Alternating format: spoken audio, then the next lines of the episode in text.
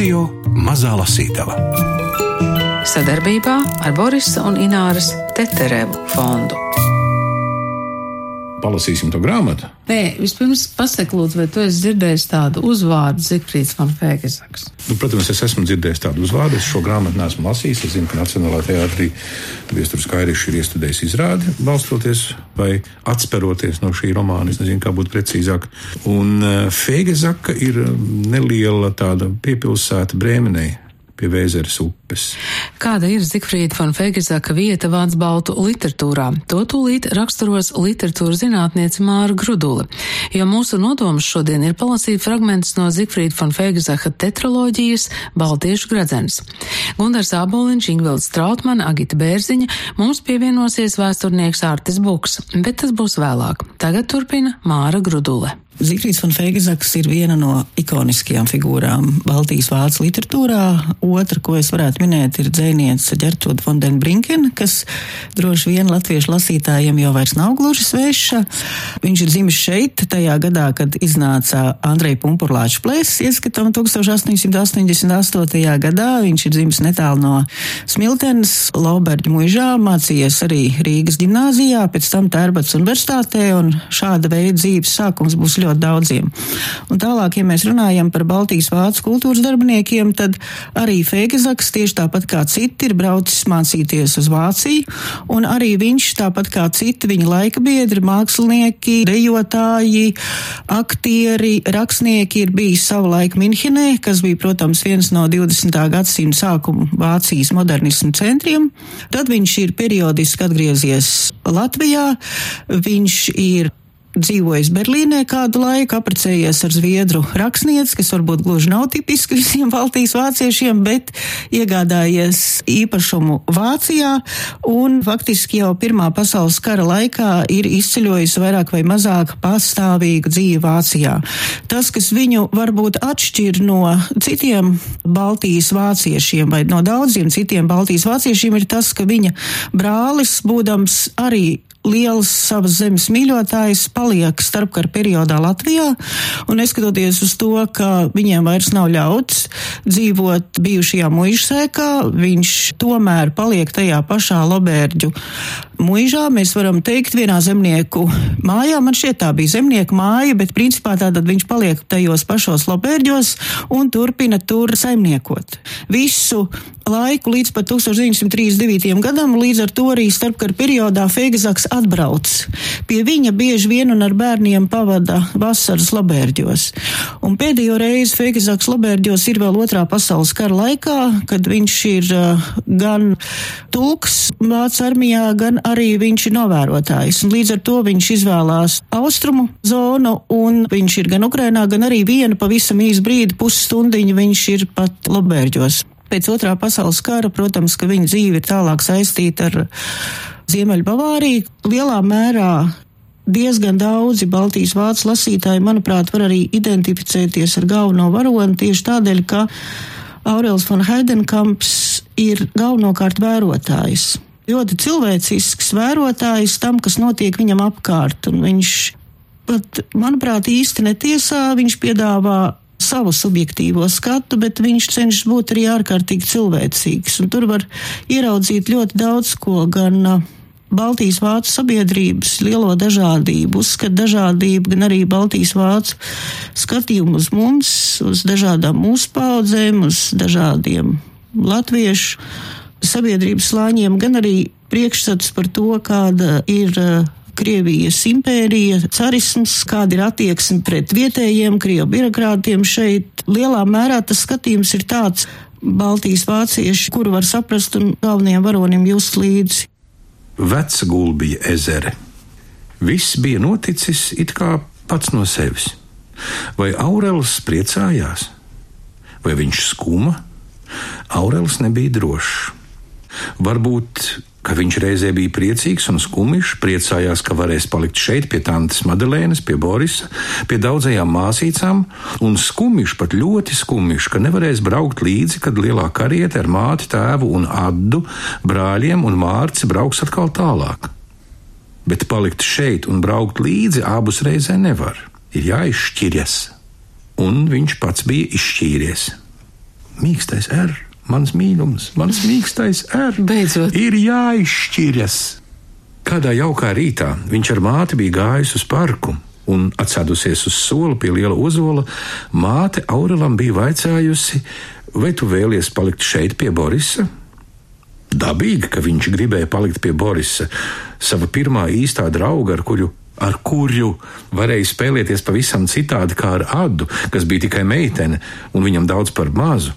Draudzība bija radusies jau pirmajā brīdī, kad zēni viens otru ieraudzīja.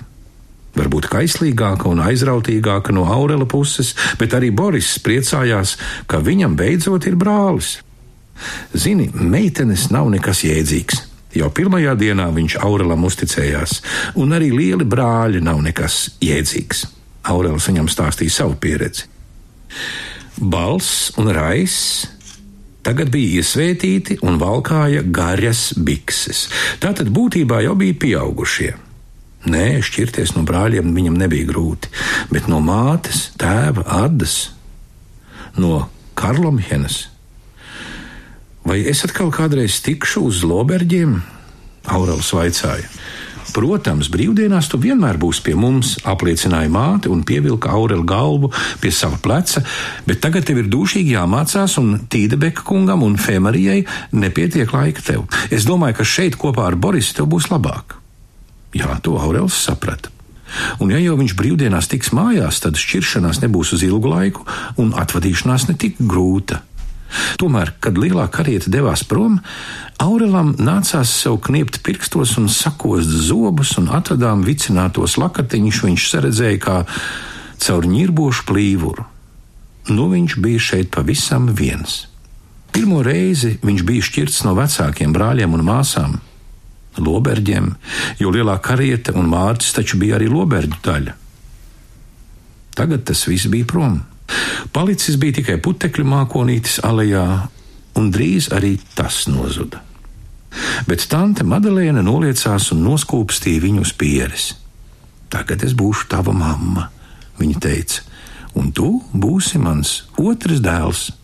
Tad viņš kopā ar Borisu aizskrēja uz mazu strautiņu parkā, kur viņa būvēja tiltu. Cik viss šeit bija citādi nekā Loberģos! Nebija nec krāsainu grīdu celiņu, nec baltas dēļu grīdas, visur spodrs, gluds parkets un mīksti biezi tepiķi. Un istabu bija bezgala daudz - zilais salons, mūzikas istaba, petit salon, grand salon. Smēķēšanas istaba, lasāmā istaba, biblioteka, onkoļa Nikolai kabinets, visas šīs istabas bija izvietotas garā virknē, un visas divu viru durvis starp tām vienmēr bija atvērtas tā, ka caur atrautajām porķerām varēja skatīties visam cauri. Un no mūzikas istabas pa labi iegāja īstā zālē un tālāk bezgalīgi lielā ēdamistabā. No priekštelpas, kurā bija izvietoti neskaitāmi drēbju stendi, lādes, sienas spoguļi un aļņu ragi, plaši izvirzītas trepes veda uz augšstāvu, kur savukārt bija neskaitāmi daudz koridoru un guļamistabu un no priekštelpas arī izgāja uz ziemas dārzu ar palmām, milzīgiem tropu lapu stādiem un citiem dīvainiem augiem. Te gaiss bija mitrs un silts un čaloja maza strūklaka. Aurels kopā ar Borisu gulēja lielā istabā augšstāvā, un viņiem blakus bija paredzēta istaba mājaskolotājiem, kas gan vēl nebija ieradies. Toties bija guvernante Klebergs, jaunkundze ar brūnu kārpu uz zoda, mademoiselle un miss Mabel, pie kurām bija paredzēts mācīties franču un angļu valodu, un tad vēl bija Lima. Ar šķidriem gludiem matiem virs garanās allažu norūpējušās zirga sejas, kas tāpat kā Karlomihena pastāvīgi skraidīja apkārt. Beidzot arī māsīcas Īza, Maurisa un Varinka. Visas bija vecākas par Aurelu, Varinka gan tikai gadu un sākumā visas trīs šķita dīvainas. Smējās, kad nevarēja saprast, kāpēc pēkšņi runāja franciski vai angliski, sarauca degunus un it kā no augšas teica: To taču jūs nesaprotat. Jā, Borisam bija taisnība. Meitenes ir nejēdzīgas. Vācu-baltiešu sarežģītos likteņus un viņu skatījumu uz norisēm Latvijā un citur Eiropā ieskicēja vēsturnieks un vēstures skolotājs Ārtis Buks, kurš ik pa laikam ievada arī skatītājus Nacionālā teātrī izrādē Baltiešu gredzens.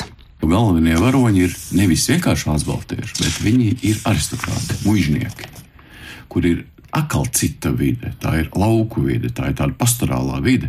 Nevelti tur tās vecās kundzes saka, ak, vecā Livonija tur, tur zūd, grimst un zūd, ne? Jo viņi, arī tas Aurēls, viņš tāds 19. gadsimta produkts ar visām tām savām histērijām, vieglajām, jā, tas romantiķis, tāds jaunais vērters, kuram jācieš visu laiku ir, un mēs redzam, ka tie tēli tie, kas nāk no kaut kādas urbānās vidas, tiem ir cita attieksme, citas sarunas. Un viņas daudz savādāk raugās uz daudz ko tādu, ko tas Aurēls kā viņš ir. Valsts baltieši, kas dzīvoja Latvijā, mēs nevaram teikt, ka viņi visi ir viendabīgi. Viņi ir ļoti dažādi. Protams.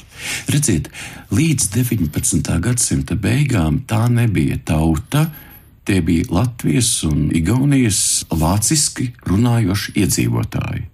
Jebkurš zemnieks 17. un 18. gadsimtā, ja viņš tik izrāvās no šīs vidas ar sociālo liftu, viņš kāds šiverīgs un tika, tika augstāk par bodnieku, un kā viņš kļuva par vācu baltieti, tā prasti sakot. Nu kā, tā ir viduslaiku kultūras palieka, kad augstākās aprindas runā vienā valodā un zemnieki runā citā valodā. Vai Švauks bija vācu baltietis? Ne, viņš gribēja tāds būt. Līdzīgi kā mūsdienās daudz lauzās angliski, un nemāca to angļu mēli, bet mēs arī atpazīstam, jo vācu baltiešiem bija ļoti iekonservējusies viduslaiku kārtu vide. Kas viņam diemžēl nāca, ir divi aspekti, kas to noteica. Pirmkārt, reformācija, kas sadalīja ticīgo kristīgās draudzes, latviešu draudzēs, tas ir prasto zemnieku draudzēs. Apzīmējis Latvijas bija zemnieks, bau, nu, bauris. Vienkārši Latvijas Igaunis tas bija zemnieks, un zemnieku draugs, un jau smalkāku ļaužu draugs. Jau veidojas tas dalījums. Līdz ar iekļaušanos Krievijas impērijā, šiem vācu baltiešai aristokrātijai, tieši kas veido to kodolu, viņi tā fanātiski pieķērās tam tradīciju mantojumam. Visur, kur mēs redzam, viņi turas tradīcijas, tradīcijas. Pēters pirmais apsolīja mums ievērot tradīcijas. Principā viņi visus kopš Pētera pirmā laika koncentrējās uz tādu pretrusifikācijas politiku, kas izpaudās šī vācu baltu bruņniecības un uh, tādas izcilības uzturēšanā. Bet nelaimīgā kārtā tā izcilība nogrieza ceļu jaunu asiņu pieplūdumam no apakšas. Un tad nāca 1860. gadi, jaunatvieši, un tās apakšas, teiksim, tā kā marksismā savulaik teica, izdomāja, ka, ka viņiem nemaz negribās tur, ka viņi paši var kļūt par izglītotiem ļaudīm, nepārējot uz vācu valodu ikdienā. Sākot ar viņa dzimšanu un studiju gadiem, un beidzot jau ar principā umzīdlungu jeb iziešanu. Līdz ar to tas aptver to brīdi, kad Vācu Baltijas sabiedrība ir vienkārši šīs sabiedrības elite, kas runā vāciski, tāpat kā viduslaikos latīniski runāja elite, vai ne, tā, vai Napoleona kara laikā pēc Krievu aristokrāti visur runāja franciski, un brīnījās, ka tie zemnieki un karavīri viņus nesaprot, nu nekādu, ne. Bet tieši pēc Pirmā pasaules kara nabaga tiem vācbaltiešiem tagad vajadzēja pašpozicionēties, kas mēs esam, jo sapra, viņus vairs neuztver kā šīs sabiedrības daļu, kā elite. Tagad izveidojusies latviešu tauta kā tāda, un jūs esat sveši. Un tā arī grāmatā parādās, ka viņi tā iekšējā šķelšanās, ka viena saka, mēs tomēr laikam esam vācieši. Mums ir vāciska kultūra, deutschtuma, vai ne, tur mums ir vācu valoda, daudziem no mums ir saknes Vācijā, daudzām dzimtām, daudzām ne, bet daudzām ir, vai ne? Ļoti daudzām. Mēs būsim vācieši. Cita atkal saka, nē, nu kāda Vācija tur ir prasts, tie hogdoči vispār, viņi tāda prasta tauta un, un brutāla, un ne viņos romantismu, mēs esam cēli bruņniecības pēcteči, mēs esam baltieši. Citi, tā kā, piemēram, līveni, tā izteikti rusificējās, pieņēma to Krievijas impērijas, un daudz Krievijas armijas ģeneralitāti, ka mēs paskatāmies, vai ne, vien vācisku uzvārdu vien ir, vai ne, tur nu, vācu baltu izcelsmes. Viņi paši šķēlās, un var teikt, starpkara periodā jau mēs runājam par tādu subetnosu, jeb tādu tā mazu tautu vācu baltieši. Mēs tagad varētu pārlikt milzīgam laikam pāri, kur ir jau aizbraukšana. Un, starp citu, arī aizbraukšana nav tik viennozīmīga. Cita aizbrauc, ir ļoti maz daļa, kas paliek. Nu, pārcelsimies uz 769. lapas pusi. Tūlīt beigām. Ar gurdenu smaidu viņš izvilka revolveri, ieroci maigi noglāstīja un no jauna iebāza kabatā. Uz galda stāvēja dēla fotografija, Fenricha uniformā, starojoša zēniska seja. Vēl šovasar viņš bija šeit, stāstīja tēvs, un tad viņam pēkšņi bija jādodas prom. Viņš zināja, kas viņu sagaida, un dedzīgi tam gatavojās. Bija karavīrs no sirds un dvēseles. Un tā viņš arī krita savas rotas priekšgalā. Arī citi jauni baltvācieši krita polijā. Viņu starpā pēdējais Livonijas Majendorfs, Landmaršala mazdēls. Aurelam bieži bija par šiem jauniešiem jādomā, kas savas asinis izlēja par zemi, kas nu būšot baltvāciešu jaunā dzimtene. Jauna dzimtene? Vai kas tāds var būt? Svešā zemē, kas nekad nav bijusi vāciska. Es pagaidām palieku Rīgā, skaidroja Reinhards, kur man jāstrādā repatriācijas Trojhand sabiedrībā. Ja man vēlāk tomēr jādodas uz Poliju, tad tikai uz seno vācu apgabalu Pozeni, kur es sameklēšu īpašumu, kas nepieder kādam polim un ir pietiekami tuvu robežai, lai ar kājām varu aizbēgt, jo šī repatriēšana nebeigsies labi. Bet prom mums ir jādodas, un kaut kur taču jādzīvo. Arī Reinhards neticēja nekādai jaunai dzimtenei. Tomēr viņš nesūdzējās. Jānovelk bieza svītra, viņš teica, bieza svītra un jāsāk no jauna. Daudz viņš nerunāja, tas nebija viņa stilā. Bet Aurelis zināja, cik Reinhardam bija grūti uz visiem laikiem šķirties no Loberģa pēdējā gabaliņa sīksti un neatlaidīgi. Nenogurstoši strādājot, viņš pēc nacionalizācijas atlikušos mazlobērģus bija pamazām izkopis. Gadu pēc gada, citu pēc citas bija sakārtojis vecās saimniecības ēkas, kultivējis purvu, un tas viss bijis par velti. Tā bija rūkta pieredze. Vēl bargāk un smagāk nekā pirms 20 gadiem. Toreiz viņš zaudēja mūžu, bet tagad visu dzimteni pēdējo loberģu gabaliņu. Bet viņš neļāva neko manīt, nesūdzējās, visu paturēja sevī. Viņa pleci vēl vairāk saliecās uz priekšu, gaita kļuva vēl gausāka. Dažās dienās Reinhards bija novecojis par vairākiem gadiem. Arī Gotthārds neteica liekus vārdus. Viņš bija kā tēvs.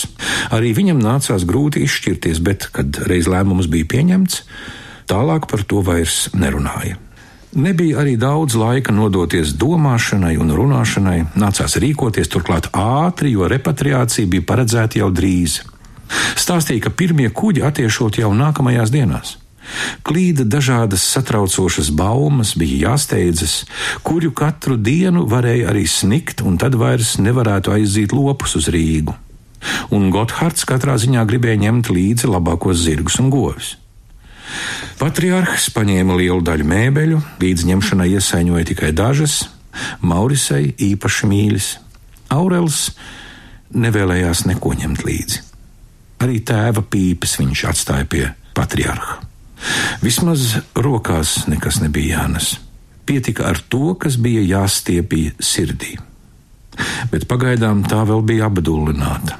Viss notika kā narkozē. Operācija notika pilnā tempā, nāzes pie darba, grieziens veikts, šis grieziens cauri sirdī, bet just nejūta neko. Liktenis ir žēlīgs, tas apdullina, kad sāpes ir pārmērīgas. Tā arī Aurēls neatguvās.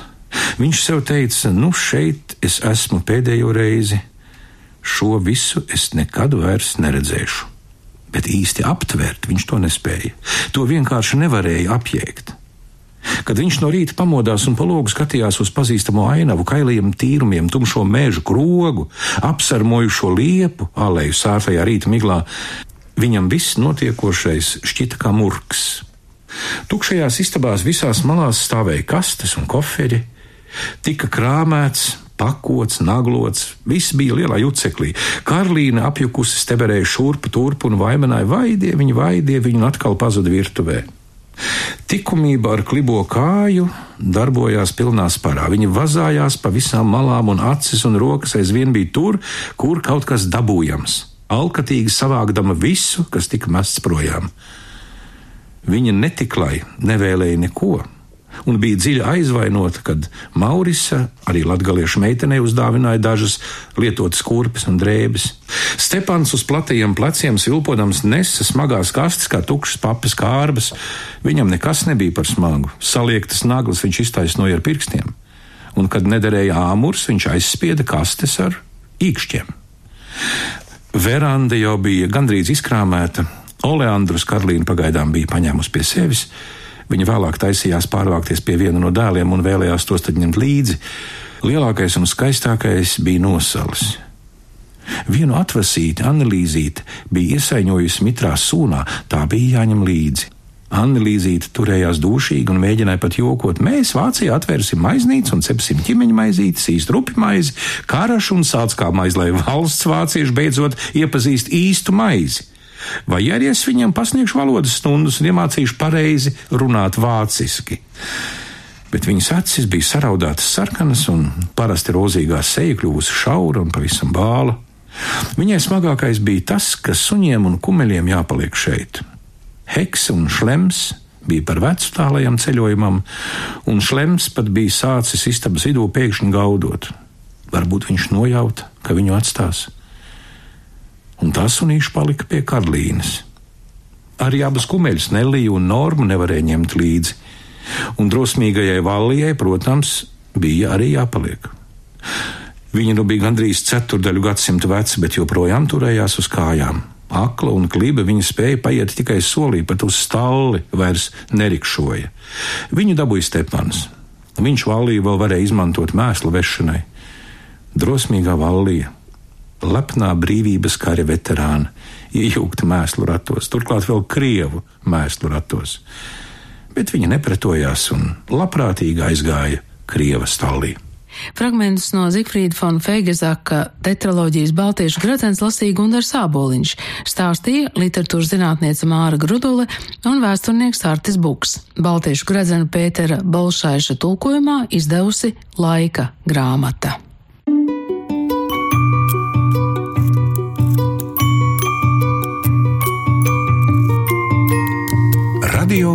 Mazā Lasītava. Sadarbībā ar Borisa un Ināras Teterevu fondu.